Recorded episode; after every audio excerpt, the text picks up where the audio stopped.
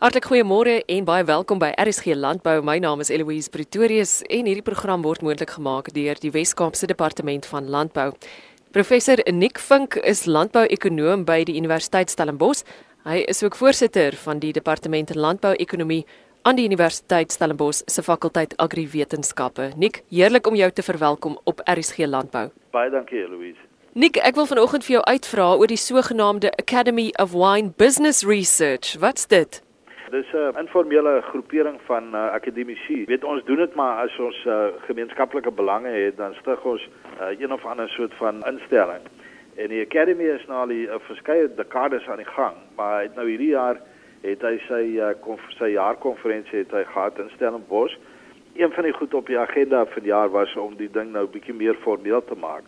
So daar's nou 'n jy weet 'n struktuur en 'n grondwet en 'n en 'n bestuur aangestel om die ding vorentoe te bestuur. Hy verteenwoordigers van veral uh, Australië, die VSA en uh, en Suid-Afrika, maar daar's natuurlik mense van uh, lande reg oor die wêreld waar veral waar daar wyn geproduseer word en natuurlik waar daar wyn gebruik word. Dis 'n kleinerige organisasie. Daar was vir jaar soos ek as ek sou skat so 60 tot 80 mense wat bygewoon het. Hulle het 'n baie prestigious soort van uh, publikasie wat hulle uitgee, die uh, International Journal of Wine Business Research wat deur my kollega professor Johan Brouwer van die University of uh, South Australia in Adelaide wat uh, geredigeer word. Hoe bevoordeel hierdie tipe navorsing die man op straat? In hierdie geval is die die navorsing is baie geskoei op verbruiks patrone en verbruiksgewoontes. Wat dit doen is die produsente van die wyn en die verkopers van die wyn dit gee vir hulle geleentheid om te kyk na weet presies wat dit is wat mense wil hê, wanneer hulle dit wil hê en watter vorm hulle wil hê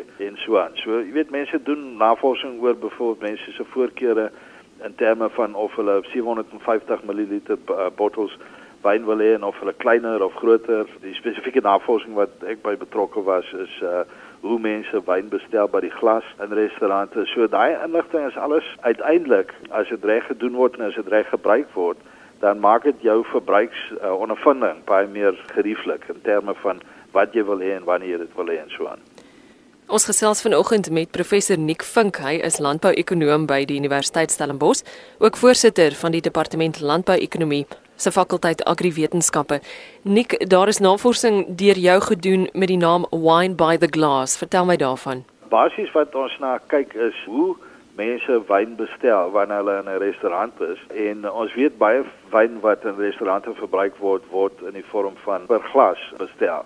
Dis miskien baie meer so in uh, Australië en die VSA as wat dit hier is, maar dit is nog nooit hier nagevors nie. So ons het gedink dit sou goed wees om daarna te kyk. Nou, die een van die uitgangspunte vir die navorsing is dat wanneer mense in 'n groep eet, dan uh, het jy altyd mense wat opinieleiers is en baie sterk en dan uh, eintlik soort van half opinie volgelinge. Ons noem dit noem dit maar lae opinieleiers en uh, dit is tog belangrik vir 'n uh, uh, restauranteienaar om te kan voorspel wie die leier in 'n groep is want dit is die persoon wat die bestelling gaan doen en uh, jy weet jy wil natuurlik daai persoon se uh, se bestellings wil jy beïnvloed. So ons het nou oor die algemeen gekyk na hoe jy weet hoe daai proses werk en uh, en ons weet dis die eerste keer wat sulke navorsing in Suid-Afrika gedoen is. Die bevindinge is interessant want die een ding wat wat uitgestaan het uit die by die bevindinge, miskien net verduidelik 'n steekproef van oor die 500 mense wat uh, elektronies uh, die die vorms ingevul het, maar dis 'n baie goeie respons wat ons gekry het uit die oorspronklike database. En die interessantheid van die inligting is dat in meeste ander plekke in die wêreld, sover ons weet, kan jy is daar 'n duidelike verskil tussen mans en vrouens in terme van wie die opinieleier is. En daar's ook 'n duidelike verskil tussen ouderdom. So, jy weet, ouer mense uh, is meer geneig om 'n opinieleier te wees as, as jonger mense. Suid-Afrika is dit glad nie die geval nie. Ons kan geen verskille sien tussen uh tussen mans en vrouens nie of tussen ouderdomsgroepe nie. Miskien iets wat 'n mens verder moet navors want jy weet dis die eerste so bevinding so so kyk of dit nou staande bly as mens met ander groepe werk. En uh de, wat interessant is ook van die van die groeperinge is dat in, in absoluut die oorwegende uh persentasie van die gevalle is die mense wat uh, wanneer mense in groepe gaan uit eet dan is dit met jou partner en of met jou familie. Partykeer het jy vriende by En daai drie groepe saam maak dit 95%. So mense gaan baie min deesdae met werkkollegas en baie min met kliënte. Natuurlik dit was nog altyd so dat mense baie min self gaan uit eet. Dis seker maar net mense wat rond wat besig is om te reis wat dit doen. Maar maar dis so dis baie geskoei op familie en fa, eh, familie en vriende en dit maak nogal die uh jy weet die bevindinge interessant in in in terme van uh van wie weet wie wie die bestellings doen en natuurlik dan van wie die rekening betaal uiteindelik. Kom ons dink aan die afgelope 5 jaar nik. Sou jy sê daar's nog interessante veranderings in die patrone in hoe mense wyn per glas bestel in Suid-Afrika? Ek dink as jy weet as ek nou mis, miskien kan dis ek ry nou 'n bietjie skiet bietjie in die donker maar as ek miskien nog oor 'n langer termyn kan vat ek ben oor die afgelope 10 20 uh, jaar waar die wat Suid-Afrika se middelklas nou op jy weet meer as verdubbel het in omvang en uh, wat interessant is is die die, die jou uh, jou uh, patrone van verbruik en optrede verskil glad nie tussen tussen die groepe nie. Uh so jy weet as mense in 'n sekere inkomste groep inkom waar hulle 3, 4 keer in 'n in 'n maand kan uit eet, dan uh, dan is hulle tree hulle self op. Nik, sou jy sê dat sosiale media mense se wynverbruik beïnvloed het? Ja en nee. Um, ek ek ek ek stap nou 'n bietjie ver, ver weg van van die weet die spesifieke navorsing wat ons gedoen het, maar ek dink wat ek weet is is wanneer mense sosiale media gebruik, het dit 'n invloed ongelukkig gebruik uh, die jou jou produsente gebruik dit nie genoeg nie. Kom ons dink aan wynprodusente in 2019. Waaroor voel jy persoonlik baie optimisties? As mense in die geheel kyk na die bedryf, jy weet, as jy nou vat die boodskap wat ons kry uit die Windklou inligtingsdag. Die bedryf is geheel is in 'n bloeitydperk. Ons het aan die een kant het jy 'n uh, verlaging in uh, die hektare wat geplant is na winge toe ek dink die, die gemiddelde gehalte van die van die oes is besig om te verbeter want mense haal nie die beste wingerdstokke uit nie, jy weet hulle haal die die swakkes uit. So so in in 'n gemiddeld is is daar 'n vordering in terme van van die kwaliteit alles die hoeveelheid minder. En wat dit ook veroorsaak het is dat ehm um, die pryse, die plaashekpryse van wyndrywe het gestyg met oor die 20% in meeste gevalle. En jy weet in terme van streke en en cultivars en so aan.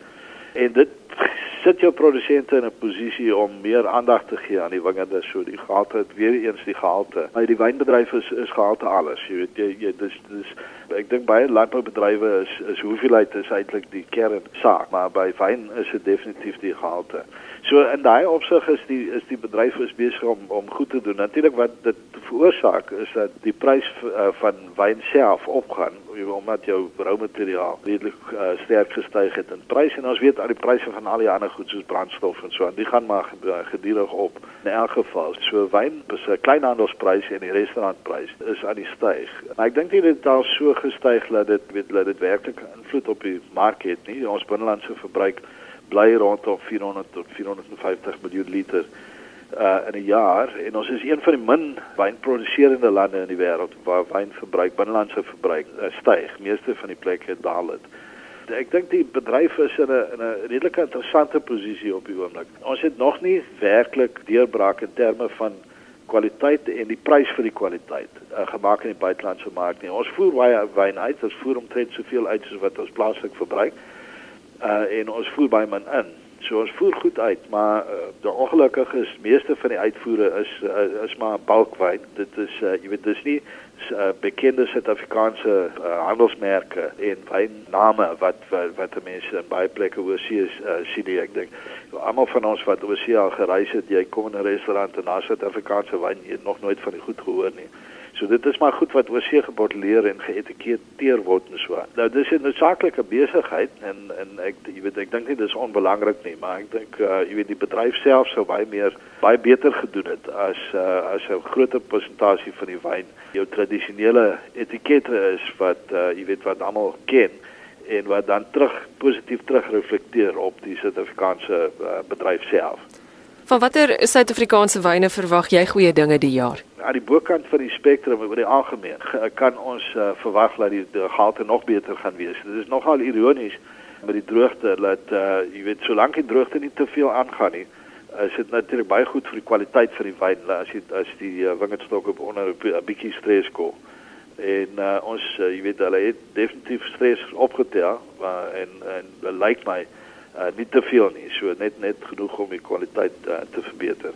Natuurlik weet dis altyd so, die Suid-Afrikaanse bedryf wat ons as binnelandse verbruikers betref. Ons kry kwaliteit teen 'n prys wat minder as 'n derde is as wat 'n mens vir dieselfde kwaliteit sou betaal oorsee. So ons is werklik bevoordeel uh, in daai opsig. Ek dink dit, dit gaan nie sommer vinnig verander nie. So gesels professor Nick Vink, landbouekonoom by die Universiteit Stellenbosch, ook voorsitter van die departement landbouekonomie se fakulteit agriwetenskappe. Dankie vir die saamkuier vanoggend. Jy kan nog van ons programme gaan vind op rsg.co.za en op elsenburg.com en onthou om môreoggend kwart voor 12 weer in te skakel vir RSG Landbou. Ek's Eloise Pretorius. Groete tot volgende keer.